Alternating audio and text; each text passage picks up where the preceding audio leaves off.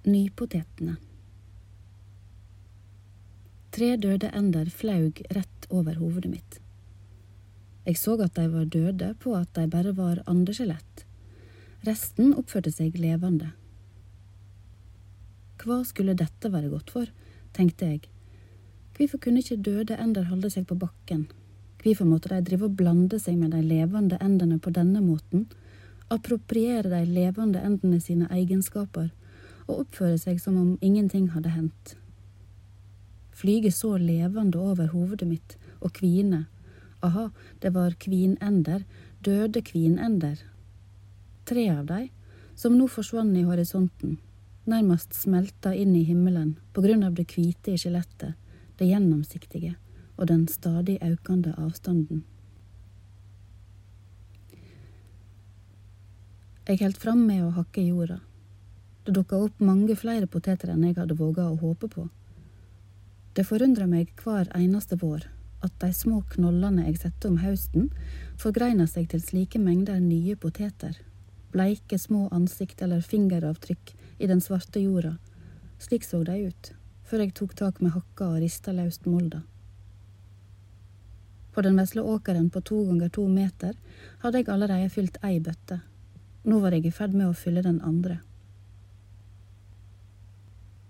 Da jeg kokte tre poteter til middag, kom jeg til å tenke på endene igjen.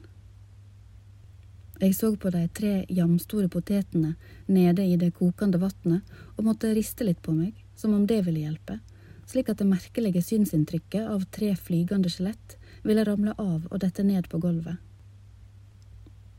Jeg satte på radioen for å distrahere tankene, men de spilte Svanesjøen. Jeg åpna pakken med spekeskinke som jeg skulle ha til nypotetene med smør til, min favorittmiddag, men da jeg tok ut spekeskinka, så jeg at hun lyste nesten fosforgrønt i midten, og at det var et ekkelt perlemorskinn. Det var ikke slik spekeskinke skulle se ut. Jeg hadde ingenting annet i kjøleskapet som gikk an å kombinere med kokte nypoteter. Fårepølse ville verke fattig, jordbærsyltetøy var krasj, og leverpostei hadde jeg bare til katten. Jeg satte tallerkenen med de tre kokte nypotetene på bordet, jeg hadde pynta med ny duk, for liksom å si skikkelig fra til meg sjøl at det var nypotettid, og jeg hadde tenkt å sitte og ete nypoteter og spekeskinke og smør mens jeg så sola svive sakte over himmelen og drikke saft.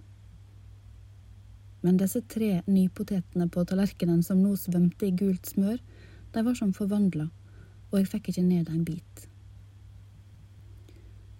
Ut av ingenting så jeg Åsta stavre seg opp bakken til huset mitt. Det var ikke vanskelig å se at bakken hadde blitt ei utfordring for henne. Hun brukte stokken nærmest som ei ishakke, og hakka seg opp etter, helt til hun var framme. Hun banka på glasset, og jeg vinka henne inn. Sitter du her og et, sa Åsta.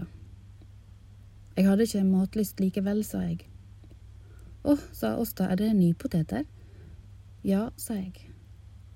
Vil du ha dem, må du bare ta. Jeg har ikke ete på gaffelen. Takk som byr, sa Åsta, og så åt hun opp alle de tre nypotetene fortere enn jeg visste at et menneske kunne ete nypoteter, om de hadde aldri så mye smør på. Det jeg egentlig kom for, sa Åsta, var at jeg så tre døde ender på himmelen i dag. Å, sa jeg. Ja, sa Åsta, de strauk liksom rett over hovedet mitt mens de kvein. Du sier ikke det, sa jeg, for jeg hadde ikke lyst til å si at jeg også hadde sett deg. Hvis jeg sa at jeg hadde sett deg, ville det gjøre disse døde endene levende en gang for alle, i og med at de umulig kunne ha vist seg bare for meg. Åsta hadde ikke fantasi, det hadde hun aldri hatt, men hvis hun også hadde sett deg, hadde altså jeg også sett deg. Jeg lurer på hva det skal bety, sa Åsta. Det betyr vel ikke noe, sa jeg. Jau, det gjør det, sa Åsta. Det er derfor jeg kommer til deg, du har greie på slikt, sa hun og nikka mot bokhylla mi. Jeg har aldri lest om døde ender på himmelen før, sa jeg, så dette aner jeg ingenting om, dessverre. Men du kan vel tippe, sa Åsta. Du kan vel tippe på ei eller anna tyding? Nei, sa jeg, og hørte at jeg hørtes tverr ut. Jeg tror, sa jeg, at det at du så disse endene, tyder på at du faktisk har fantasi likevel, og at du egentlig bare burde være glad. Her er du, 90 år gammel, og har sagt et helt liv at det eneste som betyr noe, er det som finnes på jorda, og nå ser du at det finnes et etterliv også. Pøh, sa Åsta. Hun så ikke fornøyd ut. Ja, sa jeg. Nå ville jeg gjerne at katten skulle komme og få litt leverpostei. Jeg ville gjerne se et dyr i dag, et levende et. Jeg gikk til verandadøra, åpna ho, la en liten bit med leverpostei på steinhella utenfor, og så sa jeg pus, pus, pus, pus.